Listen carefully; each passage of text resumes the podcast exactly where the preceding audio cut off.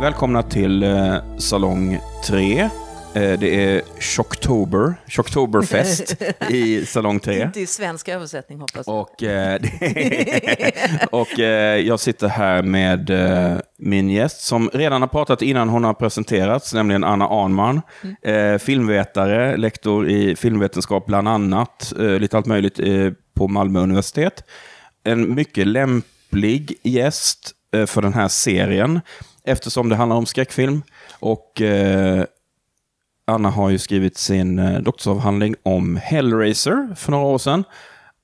Och jag måste fråga, vad är din relation till skräckfilm idag?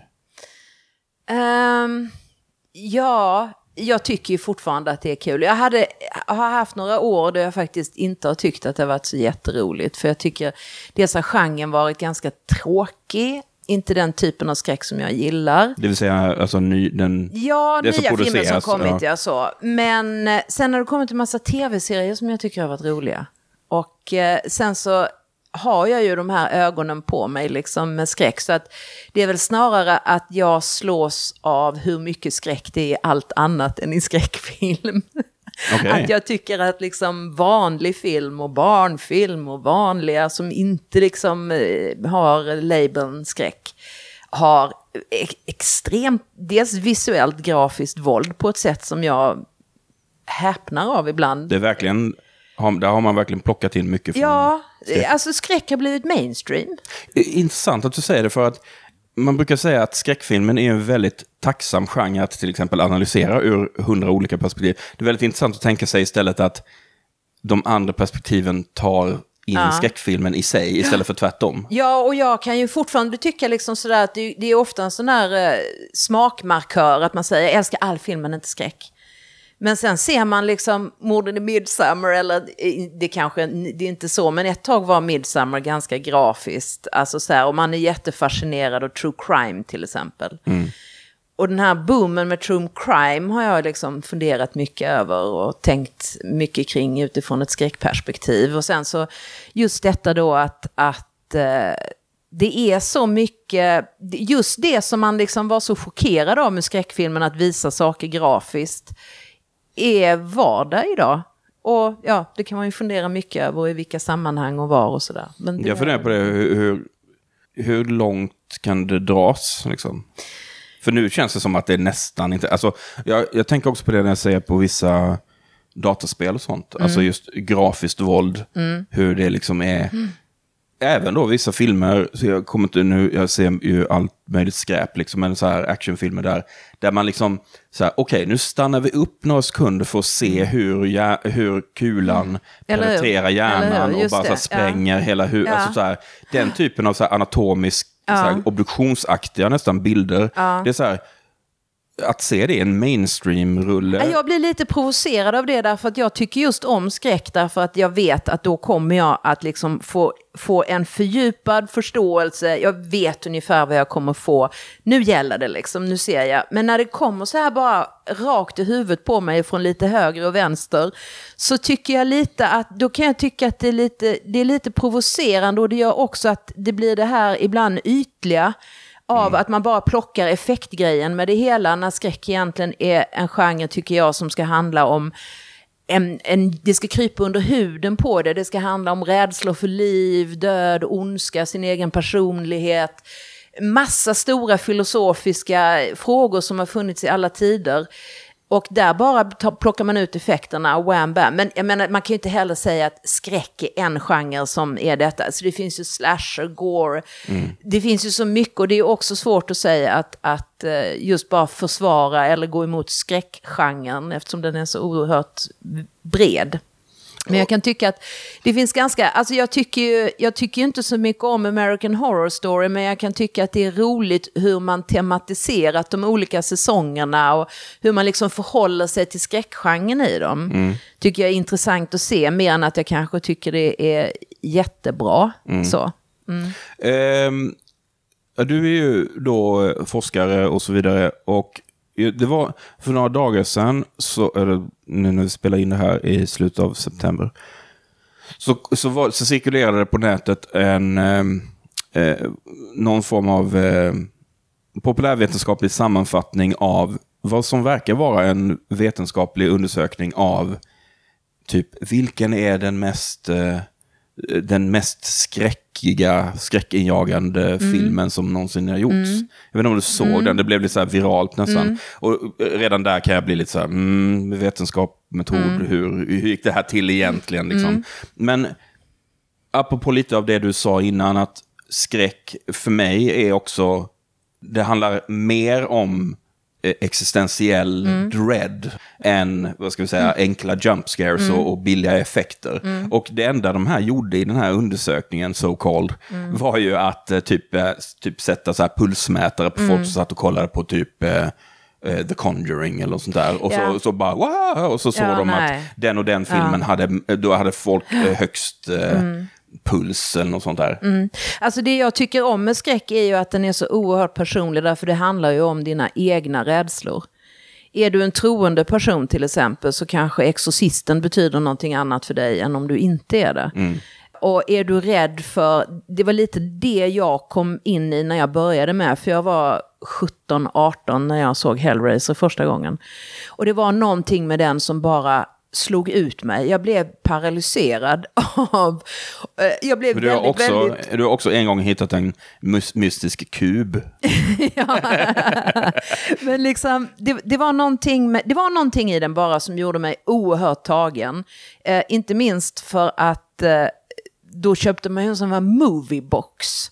Alltså om man inte hade en VHS-apparat så hyrde man en moviebox och sen hade man en fulkopia som någon kopierat, kopierat, kopierat som knappt gick att se i en gammal tv. Och så råkade jag sitta ute på landet. Och den här bara knockade mig liksom. Sen flera år efter så har jag ju sett den på bio, jag har sett den med surround sound och sånt, det är en helt annan film.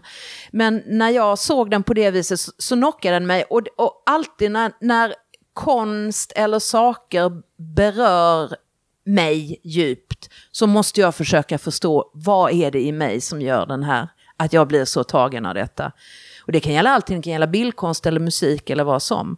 Och det var någonting i Hellraiser som jag var tvungen att liksom gå vidare med. Är det, vad var det, var det, det var, för mig var det mycket att det var en intellektuell utmaning som de kom med. Att de liksom möttes lite i argument, även om de är slasher-hemska.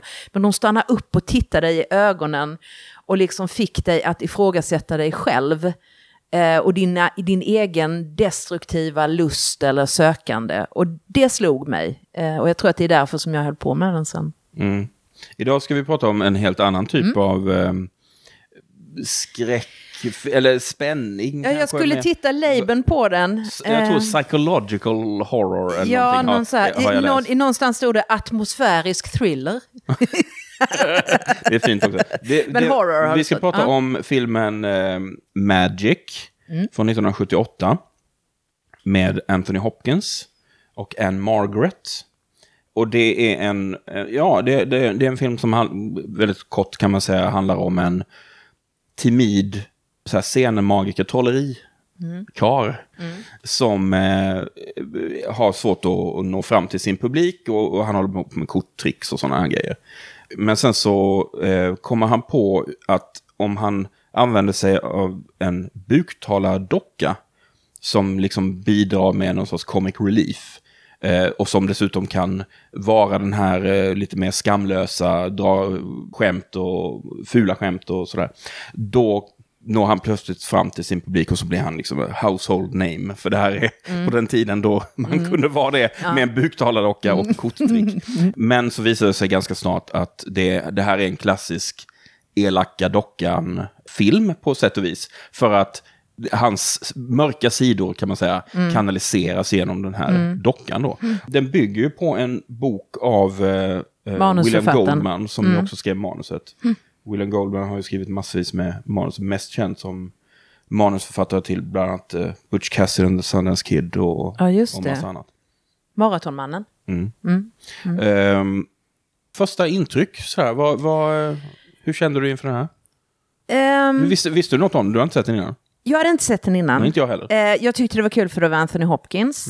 Eh, jag tycker om buktalargrejen, alltså som fenomen.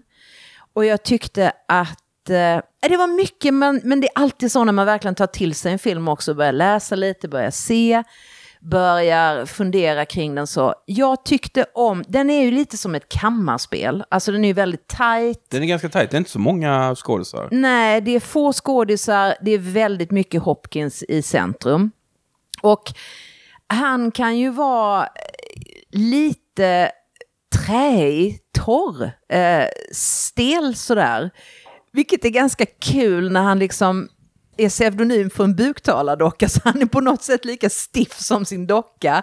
Vilket jag tyckte om, men sen så känner man ju igen hans karaktär. Alltså det, jag tyckte att det fanns väldigt mycket som Norman Bates eh, i att mm. den här liksom stela, artiga, välpolerade, vansinnigt, fullständigt gränslösa människan.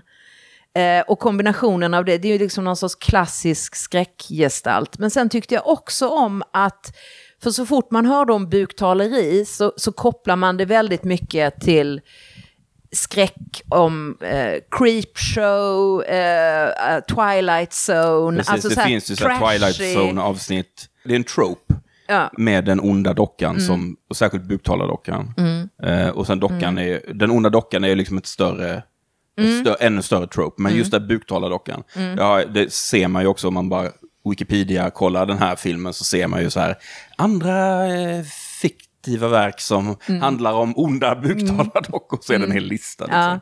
Så att, ja. Men de är ofta ganska, de är ofta ganska liksom i en ganska snäv genre och detta är ju liksom ett djupt psykologiskt drama på ett annat sätt där man tar problematiken med en väldigt psykiskt instabil person i form av att han då uttrycker sig genom en buktalardocka och det tyckte jag var väldigt spännande att man faktiskt gjorde en djupdykning i psykologin kring det. Mer än att det är eh, en ond docka som hoppar omkring, som just de här ja. creepshow-avsnitten, där helt plötsligt hoppar dockan lös och stryper folk. Alltså... Exakt. För det, det jag visste om filmen, det var ungefär det att det skulle handla om en ond docka. Ja. Men då vet man ju aldrig, när man börjar se filmen så vet man ju inte så här, okej, okay, kommer det här vara en övernaturlig film? Mm. Där det faktiskt är så här, mm. eh, någon så här Stephen King-aktig, att dockan är besatt av någon mm. mm. död eh, native american eller mm. något sånt där. Jo. Men det är det ju inte, utan den är ju... Filmen tycks anse mm. att det inte finns magi, så att säga. Det finns inte mm. mm. något övernaturligt, utan det som händer är att det är Anthony Hopkins mm. som kanaliserar sin vrede, mm. sin psykiska ohälsa genom den här dockan. Och jag, jag, var, jag, jag tänkte särskilt på, det här kommer att bli ett spoiler-avsnitt naturligtvis, men jag tänkte så här, mot slutet så tänkte jag så här, nu måste jag titta extra noga om det finns någon scen där dockan rör sig eller typ pratar utan att Anthony Hopkins är nära den, och det gör det inte. Jag tittade precis också på det, och jag tänkte på just, nu är jag ju filmvetare, men jag tänkte just på den här Kuleshov-effekten. Mm. Du vet när man klipper in scener så att man har exakt samma scen av någonting, men beroende på vad du visar innan och efter så tolkar du in helt andra saker i bild. Mm. Och här är just, man har en tanke om att det ska ha ett eget liv. Den bygger mycket på spänningen att det är en docka som har ett eget liv utanför honom. Så varenda sån här närbildsscen, jo men nu blinkar han nog, nu rörde han nog, nu, nu hörde man nog någonting. Men det, det liksom mm. ligger som en outtalad, en dynamik hela tiden, men den gör nä, inte nej, det. Nej, och att man mm. nästan vill, man vill liksom, ja. man kan nästan, kan vi inte få den? Ja. Om jag bara tänker nu ja. på att den, ja. och, och, jag tycker att det är, där är ju filmen väldigt konsekvent, den lämnar mm. liksom inte mm. Och det är ingen sån här, vad ska vi säga, någon sån här cheesy twist där man nej. ser på slutet att dockan blinkar nej, lite nej, till, nej, nej, till nej. kameran. Nej, nej, nej, precis, precis. Jag, Vilket inget, ju antagligen, ja. nu har inte jag sett det Twilight-avsnittet, Twilight Zone-avsnittet som det okay, där handlar, men jag kan, jag kan föreställa mig ja, att det skulle jo. ungefär kunna sluta på det ja, sättet. Ja. Eh, någonting som jag tänkte på, om vi pratar lite om bara produktionen och sådär inledningsvis, att, att uh, Hopkins är ju, han är 41 här. Mm. Mm. Och det här är ju, om jag förstår det rätt, så är det en av hans första stora liksom, amerikanska mm. produktioner. Mm. Jag, jag, läs, jag var ju lite, tvungen att se en massa ja. intervjuer från den här tiden ah, för att okay. jag tyckte det var spännande. Mm. Och då visade det sig just så här att han hade varit i, i eh, England och inte känt sig hemma, inte mått riktigt bra där, kom till USA och kände att han passade in. Mm.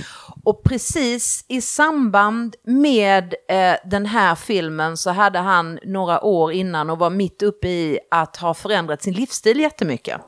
Så att han hade känt att han liksom, därför att i, i grunden så handlar ju filmen om en man som är afraid of success. Det återkommer de till hela tiden. Att så fort han börjar nå framgång så måste han sabba det för sig själv.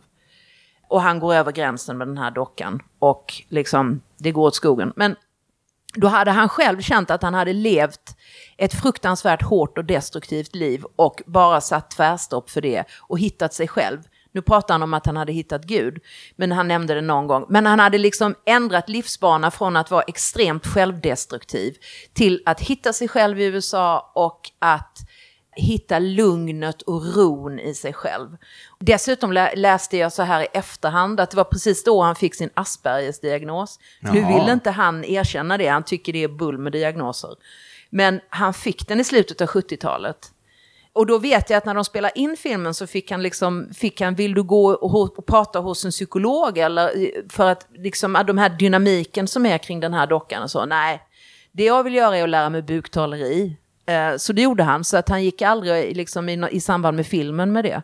Och lärde sig att då prata själv, för han är ju rösten själv. Han är ju buktalarrösten Han, själv. han får till och med, vad är det, eh, fifth billing. Så Ja. det är så här, Anthony Ja. Hopkins och sen några stycken och sen så kommer Anthony Hopkins igen Mm. som eh, Fats, som dockan heter. Men sen hade man ju jobbat, Norman Jewison hade ju jobbat som regissör för filmen eh, ett år med den, där han hade tänkt Jack Nicholson i huvudrollen. Ja, så länge. För Och jag, jag jag, läste också att han var, det, jag läste bara att han var påtänkt, men det, han har jobbat Han hade jobbat med den. Så att eh, då så fick de ta över här och liksom jobba om efter det.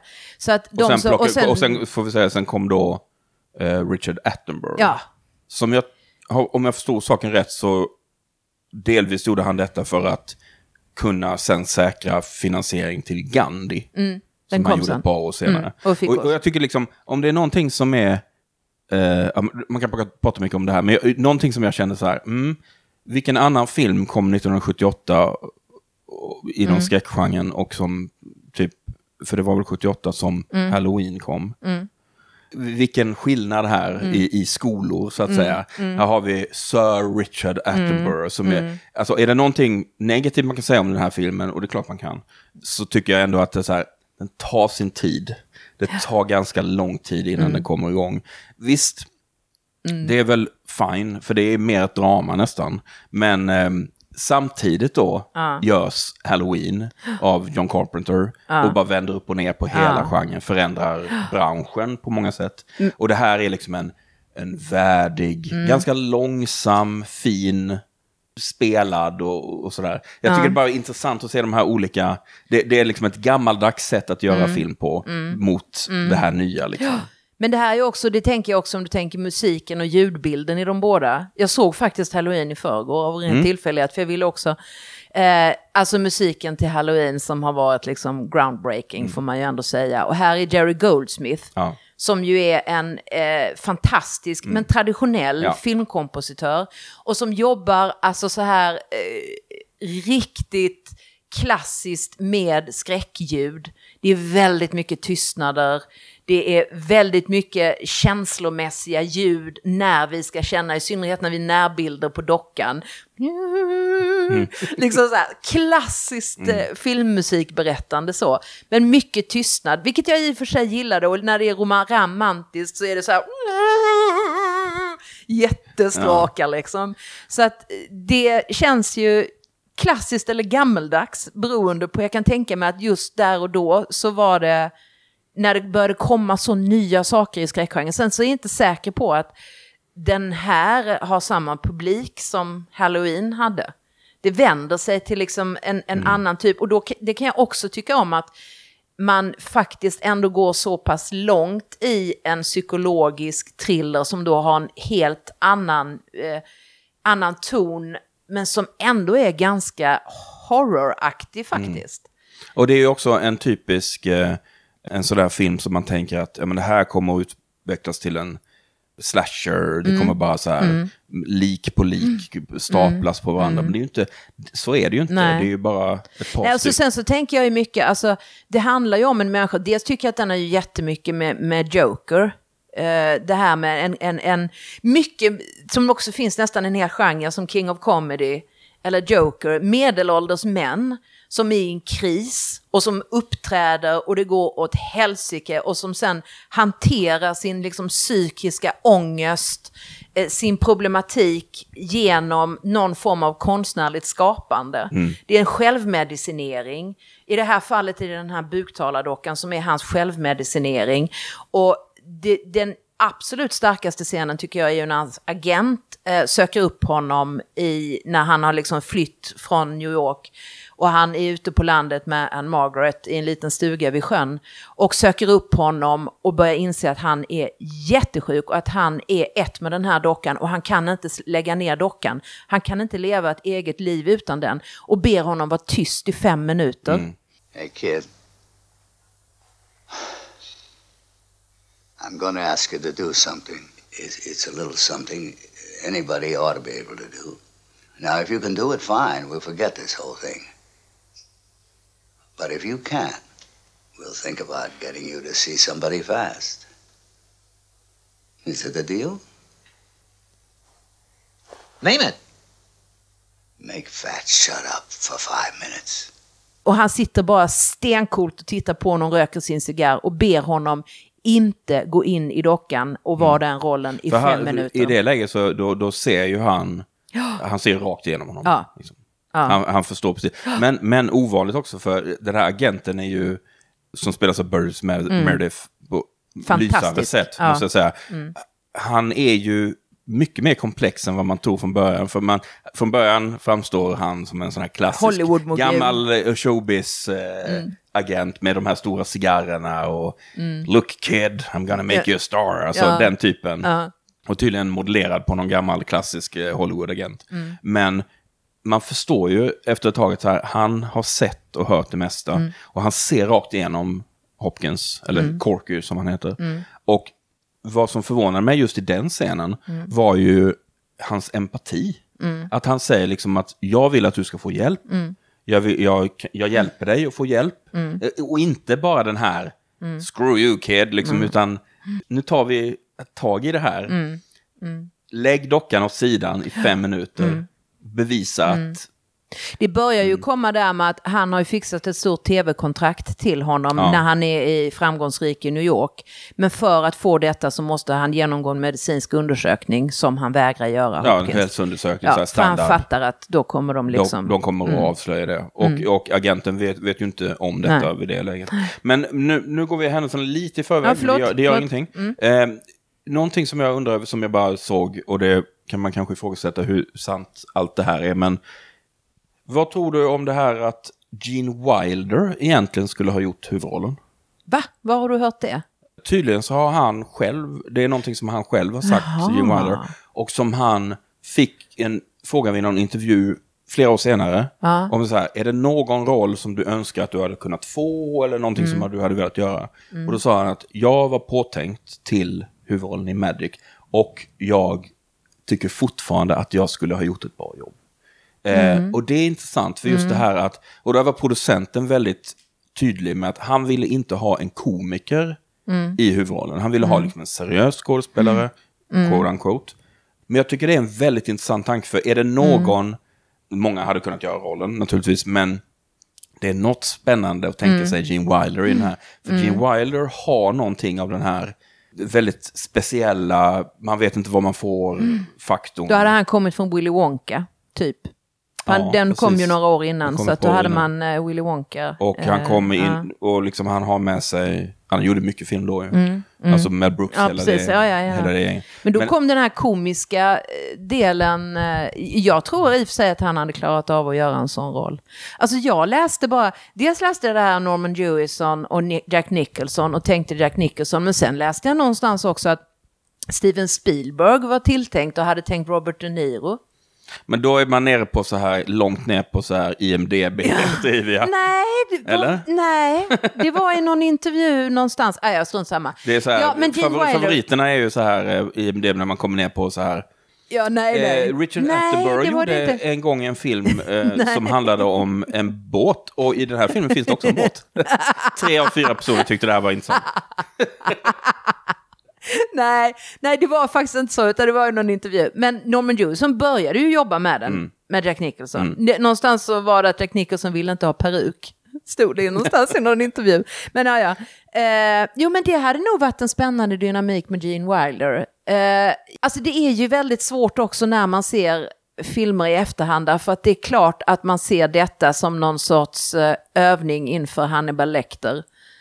Och det är ju svårt att inte nämna Hannibal Lecter i, i förhållande till detta, därför att det är ju lite samma typ av roll på många sätt av att vara liksom välartikulerad, artig. Återigen den här Norman Bates-typen, men fullständigt då psykopatisk. Med den stora skillnaden då att eh, Lecter är ju 100% självförtroende. Ja, ja, ja. Han, ja, han har ju ja, så här, ja. hans fasad är ju total. Liksom. Han låter ju aldrig den Nej, nej. masken åka ner. Nej, här är ju mer, alltså det här är ju en människa i djup ångest och kris. Jag tyckte det var väldigt skönt att det ganska snabbt gick över i att man såg det och inte den här onda dockan-grejen så Nej, mycket. precis. De hade, man hade kunnat tänka sig ett scenario där filmen hade Ja. hållit oss på Ja. halster mycket, mycket längre. Ja.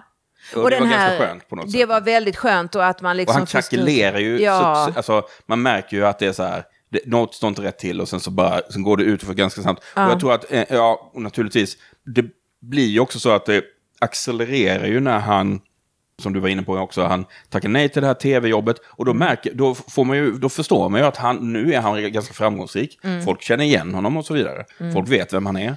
Han syns på tv, han är med på Johnny Carson och sådär. Men han backar från sitt eget tv-projekt. Och så, så drar han sig undan. Han ska uppträda i Catskills, som ju är en sån legendarisk eh, ett område i, i liksom norr om eh, New York, uppe i bergen. Så det finns mycket humorklubbar och sånt här. Och där han då ska uppträda ju på något ställe. Och alltså, drar han sig undan från världen i ett tag. Men så märker man ju så här att ja, men det är inte bara ut på landet vad som helst. Han drar sig tillbaka till där han växte upp. Han ser sitt gamla hus. Och minnen börjar flöda tillbaka till honom från när han var barn. Och väldigt tillbakadragen och timid och sådär. Och sen så dessutom så hyr han ju in sig då i en stuga på så här, lite pensionat, bed and breakfast. Som visar sig då tillhöra en ungdomskärlek. Som aldrig Var inte det meningen att han sökte upp henne? Jo, jag tror att alltså det var meningen. Ja. Eh, det var ingen slump att När han ville hamnade hos söka upp henne för han på något sätt... Han hamnade väl i någon sorts livskris och liksom ville tillbaka till det som en gång var, till den här kärleken. Ja, och ironin i det är ju på något sätt att det samtidigt accelererar hans Ja. galenskap. Så att säga. Han, blir, han börjar mörda. Ja, jo men precis. Alltså, jag tror att han, det, det, det tragiska liksom är Mm. på något sätt att han uppsöker det här för att finna någon form av tröst eller Mm. eh, ro. Men det blir tvärtom. Jag vet inte riktigt varför, vad det är som gör att det Men jag triggar kan, honom. jag kan tycka ganska mycket om det, för att jag kan tänka mig en annan film också så hade man dragit mycket mer på hans barndom. När man är så eh, psykiskt instabil som han är, att jätteförfärlig barndom och fruktansvärda kärlekserfarenheter. Det var inte, det var rätt lågmält. Han var utanför och han var tyst, och, men timid, men inte väldigt mobbad. Hon hade liksom sett honom och visste att hon, han tyckte om henne, inte De var jätte... iakttagit ja. varandra på avstånd. Precis, liksom, så att det var, och det, annars är det ju väldigt lätt att ha en förklaringsmodell, liksom att åh, förfärlig barndom, det är därför man blev så. Men det var lite antydningar, men inte jätte... Samtidigt så är ju filmen, och det kände jag att det här är väldigt så USA, den tiden, eller egentligen hela 1900-talet, den är ju väldigt så här freudiansk, alltså psykoterapi. Mm. Ja, ja. Hela det här med att liksom, Jo, men- dina olika jag, Ja, och du, du, du får fram dina liksom, mörka sidor genom, en- kanaliseras genom den här dockan. Allt det där är ju väldigt så här Freud. Men, och, och samtidigt, och det är ju också en sån där liksom filmkonvention kan jag tycka att just, eh, och, och ofta, jag menar inte minst i Disney-filmer så har de karaktärer, bikaraktärer som är någon sorts samvete. Eh, att det är du vet, så här, Benjamins syrsa som liksom är samvetet i Pinocchio. Som Symbolen, säger så här, liksom. ja, så, och som också någon sorts undermedvetet som pratar. Och här är det ju liksom den mörka delen av detta. Det är ju inte ängen på axeln utan djävulen på axeln Exakt. liksom. Och det tycker jag är spännande att eh, man, det blommar ut så fullständigt. Så att st större delen av eh, filmen kan man väl säga, det är väl så här 45 minuter in kanske och framåt, så utspelar det sig i, i eller runt den här stugan där han då eh, inkvarterar sig. Jag gillar hur det ser ut där, det är så här eh, di, lite disigt, grått, man känner att det är så här eh, ruggigt, rått i Ja, luften. Så. ja. Och allting är inspelat typ i Kalifornien. Jaha, I, Jaha. ja, ingenting är gjort i, Okej, i The Catskills. ja, ja. Liksom. Möjligen några så här exteriörgrejer och så. Men jag tycker de lyckas väldigt väl med det här. Och man, ja. man får också en känsla av den här bygden som lite, den är på dekis. Han kör förbi sitt gamla, sitt barndomshem och det är så här nedgånget. Och det är andra hus också som är så här, man märker att det är så här av, lite avbefolkat. Man märker att och det säger hon också om motellet, Ja. här kommer ju inga människor längre Nej, och det är svårt att få det att gå runt och sådär. Och, och man, jag tror att redan då var Catskills lite på nedgång rent allmänt. För att Mm. jag tror att som så här community, det var ju framförallt judiska semesterfirare från New York som hade ställen Mhm. där uppe. Mm. På grund av diskriminering och annat så, så blev det liksom en sån här lite Mm. judisk enklav. Och ehm, det var ju sin heyday på 50-talet, Mm. liksom, 50-60-talet. Sen gick det successivt ut. Och det blir nästan någon sorts... Eh, lite grann också att han representerar ju någon form av gammaldags Mm. showbiz. Eh, Även om då hans agent är väldigt... Eh, Ja. Han är väldigt övertygad om att så här, men det här kommer funka även på tv Ja. och, och sådär. Men jag har svårt att tänka att det skulle göra. Han är ju en väldigt gammeldags karaktär. Mm. Hela. Men sen så har ju hon också en man. Just det, för då ska vi säga något om henne bara. Ja. Mm. Att Då är det ju då, eh, svenska stoltheten, Anne Margaret, Mm. som ju, hon är ju så otroligt charmig. Hon har ju den här oerhörda värmen och liksom, Mm. man, det kan man ha åsikter om liksom att han, de är ju på många sätt varandras motpoler Mm. lite grann, rent känslomässigt sådär. Hon är väldigt i kontakt med sina känslor ju, Mm. på ett sätt som han absolut inte är. Men hon är ju fast i något sorts så här kärlekslöst Mm. eh, äktenskap med vad det verkar vara typ en eh, tidigare så här jock eller Ja, någonting va? ja. Som var så här populär i skolan och som nu är så här... Han typ, säger någonstans att hon har följt mig hela vägen från toppen till botten. ja, just Alltså det. att han gick in i, i någon, om han var, var mäklare, när han Ja, hade något, jo. något sånt. Han var mäklare. Och sen gick det så tog, hon har varit med mig hela vägen från toppen till Duke. botten. Ja, just det, Duke. Ja.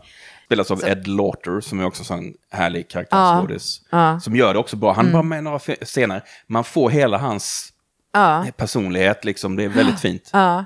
Och jag tycker Ehm. han är väldigt sympatisk och också när de är ute och ror på den här, det är ju lite kuslig scen Mm. egentligen därför att de vet båda om att Corky har en intresse av hans fru. Peg. Ja. Mm.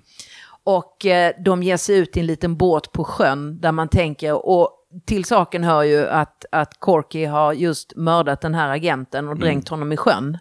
Så att de är ute och åker och börjar dragga i sjön för att fiska.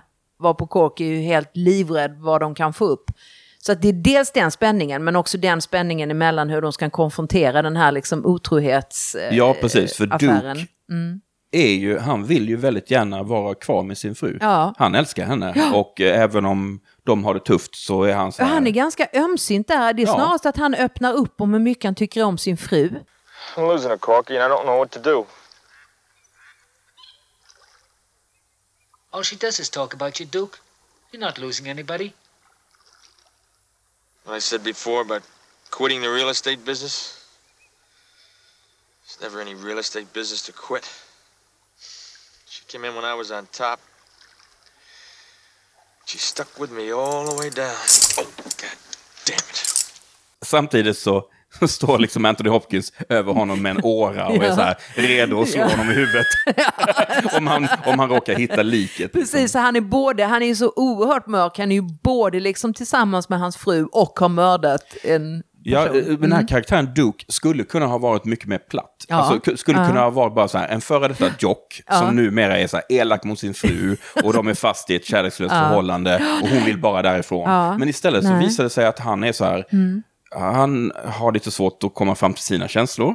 Och sen så när, han väl hitt, när de väl ser det här eh, liket av agenten som ligger liksom, Jo. han måste väl ha spolats i Han har land på något spolats upp så han ligger på strandkanten. Eh, då är han ju genast så här, han, han ska försöka rädda Ja. honom, gör mun mot mun. Ja, ja. Han är väldigt så. eh, så att då har vi inte alls den här längre, Nej. den här, här har vi den här eh, Nej. eh, liksom elaka... Det som är lite konstigt är att han efter det går in och tittar i stugan. Det fattar inte jag riktigt. Nej, det är väl för att han tror att här, här ligger en hund begraven. Liksom. Ja. Corcus, det är någonting han inte berättar. Ja. Och sen så är det också, finns ju den här spänningen. Han är ju övertygad, med rätta, Mm. att Corky och eh, Peg, Peg. har ju liksom haft ihop det. Och hon är ju liksom, för henne blir ju Corcus ankomst där någon sorts, alla minnen kommer fram, allting bubblar upp inom henne och Mm. hon inser att så här, det finns ett annat liv. Jag, kan, jag kan bara lämna allt det här. Den här Och så är det just det där att han på något sätt ser henne som, som då Duke inte gör. Eh, det är ju ett magitrick som får det att tända till mellan dem. När han säger att jag, vi, vi kan känna varann mentalt. Vi, vi kan liksom, jag kan se ditt kort och vet vad ditt kort är. För du och jag är i sån Det är ju synk ganska med varandra. intensiv liksom. scen. Det är en ganska intensiv där han scen. är rätt så Ja. elak mot henne. Alltså, där bubblar ju hans... Framförallt så följer han ju upp det sen och säger bara att det är fruktansvärt i slutet när han säger till henne att jag bara, vem som helst tror ju på magi liksom. Och jag bara Ja, gör och det att för... han, så här, det här tricket är något jag Ja. drar för alla tjejer jag drar hem ungefär. Precis. Bara för att göra henne Och hon blir ju helt... Ja, hon är förkrossad av det. Ja. Och även slutet när hon, det är ju också, man känner så här, hjärtat krossas ju för henne.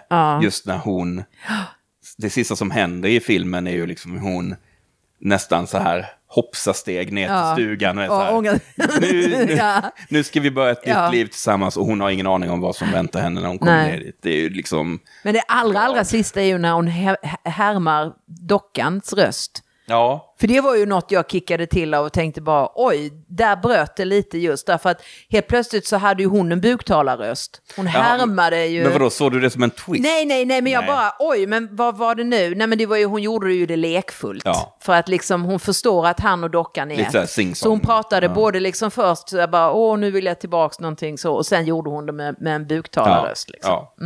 Ja. Ehm, Alltså jag bara tittade, nu när jag gjorde lite sådär research, så visade det sig att det gick en trailer på tv på 30 sekunder för denna, när den kom 78. Som tydligen enligt många är typ vilse i pannkakan för amerikaner. Det vill säga en massa barn har blivit livrädda för livet och fått gå i terapi för det var så fruktansvärt. Säkert. Typ, liksom. Nej, men, så- inte för att jag så här, alkoholiserade föräldrar slog Nej, dem varje dag. Utan bara, åh snälla, jag, jag kommer aldrig glömma. Hur kunde man visa det här på tv? Det var så fruktansvärt. Så det var ju tvungen att titta på. Och då så sitter, det är ju liksom bara fokus på dockan som pratar. Eh, verkligen, då på munnen och på ögonen och så, som säger, Abracadabra, I sit on his knee. Presto, changeo, and now here's me. Hocus pocus, we take her to bed. Magic is free. We're dead.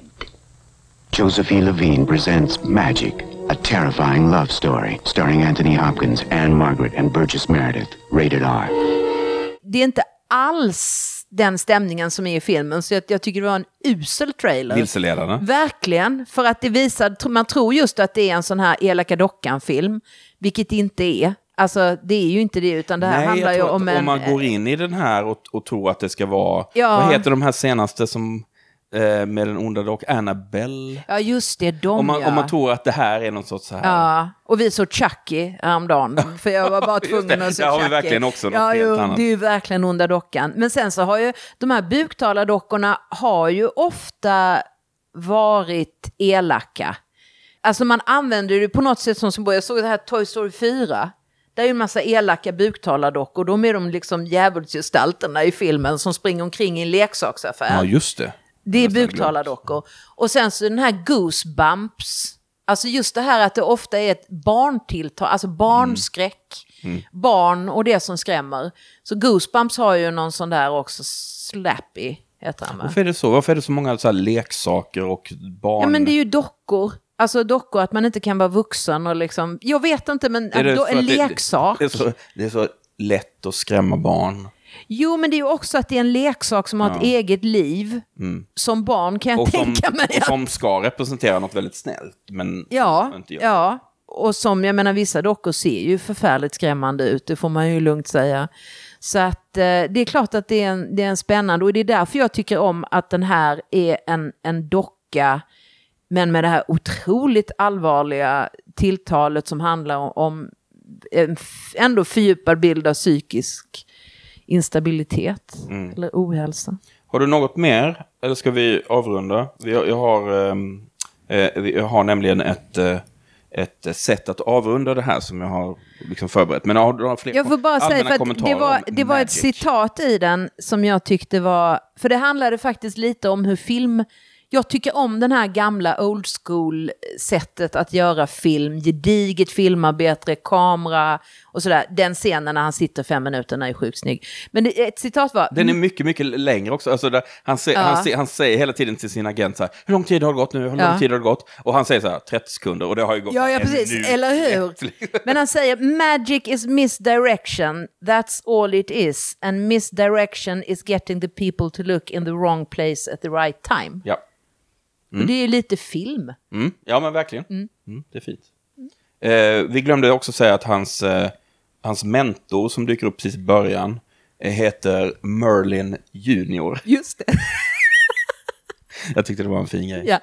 Eh, vi, får ju aldrig reda på hur han skaffar dockan eller Nej, den bara kom. det bara kom och så Mm. är han plötsligt en hit. Ja. Ja, ja. I Salong 3 så ställer jag alltid följande fråga i slutet, nämligen vem hejar du på i filmen? Oj. Eh, Jag kan säga vem jag hejar på först. Jag hejar på Peg. Jag hoppas att hon, eh, hon hämtar sig efter den här vidriga de Jaha, här är, det, är, det, är det livet efter detta? Ja, För det, jag kan hejar, både jag, och. Det, det kan vara både och, men jag säger jag hejar på Peg. Jag hoppas att hon tar sig från den här bygden och eh, hittar ett annat liv. Du är lite förtjust i. Margaret, det märks lång väg. Men jag hejar på agenten som tyvärr inte är i livet längre. Eh, Men eh, jag tycker om att han är rak, cynisk affärsman men samtidigt empatisk och vågar försöka ta tag i en väldigt svår situation för hans del på ett empatiskt sätt. Jag älskar hans karaktär, jag tycker han är fantastisk. Jag hejar på agenten. Ja, fint. Vi avslutar den här, eh, det här avsnittet med ett litet formulär som vi ska fylla i tillsammans. Eh, om den här filmen. Aha. Du vet, man, man, eh, om det är någon som har gjort något bra så kan man dela ut så här guldstjärnor. Eh, men det här är ju skräckfilm, så vi ska dela ut guldpentagram. Okej. Och då är det så här, ja och nej, så här, kom, de här, finns de här inslagen med i filmen? Eh, finns det ett elakt djur? Nej. Nej. Nej. Innehåller filmen ett ondskefullt barn? Ja, hur definierar du det? Det är ju inte Ah. ett barn, han är ju väldigt vuxen. Nej, det är inget barn. Är. Däremot så, det sa faktiskt Hopkins i en intervju att, han, att Corky är ju som en, en fyraåring i mognad. Och det är alltid livsfarligt med vuxna människor som har en fyraårings mognad. Men nej, där är Nej, inga det är barn. inget ondskefullt barn. Innehåller filmen ett satanistiskt eller ockult tema? Nej. nej, Nej. det här är extremt psykologiskt Ja. baserat skulle jag säga.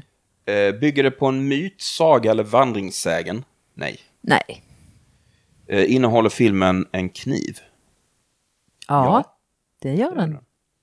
Och det är ganska effektfullt när man Ganska får se... liten kniv dock. Men, en liten, men man fick se honom med kniven. Det är ju en sån riktig aha-scen. Mm. Därför att det är ju första gången, för att innan så har ju, har ju kniven varit i, i eh, dockans händer. Men i slutet så håller han i kniven och det är lite, Mm. det tyckte jag var rätt coolt faktiskt. Ja, mm. Eh, innehåller filmen en serie eller massmördare? Nej, Nej, det kan man inte påstå. två mord. Innehåller filmen effektiva jump scares? Någon liten men ganska lågmält. Ska säga ändå någon. Ja, mm. Ehm, är filmen based on a true story? Nej. Nej. Är den baserad på en bok, en tweet eller en dröm av Stephen King? Nej, om det var en bok så hade jag, men nej. Däremot hade Stephen King kunnat göra den här. Men nej. Eh, innehåller filmen eh, korkad eller oförstående polis eller annan myndighetsperson? Nej. Är, nej, vi har ju sagt det, den är väldigt tajt. Det finns ju varken polis eller Nej. Media eller Nej. ingenting sånt. Och det var allihop, så den fick bara Två. guldpentagram. Men det är kanske just Magic. därför som man, man undrar om det är horror egentligen, men det är ju det. För det är här bara är ju det det- definitiva Det, det, absolut, nu har vi ju liksom det, det Det objektiva. finns ingenting annat. men, eh, men, eh, Men, eh, men det visar ju, tycker jag snarare, att Ja. det, liksom, det här med skräck och spänning kan vara många olika saker. Ja, och det tycker jag om. Filmen är alltså Magic från 1978. Eh, vi rekommenderar den. Ja, Ja. tycker jag. Anna, tack så mycket för att du var med här idag. Tack själv. Och vi säger eh, hej då! Hej då!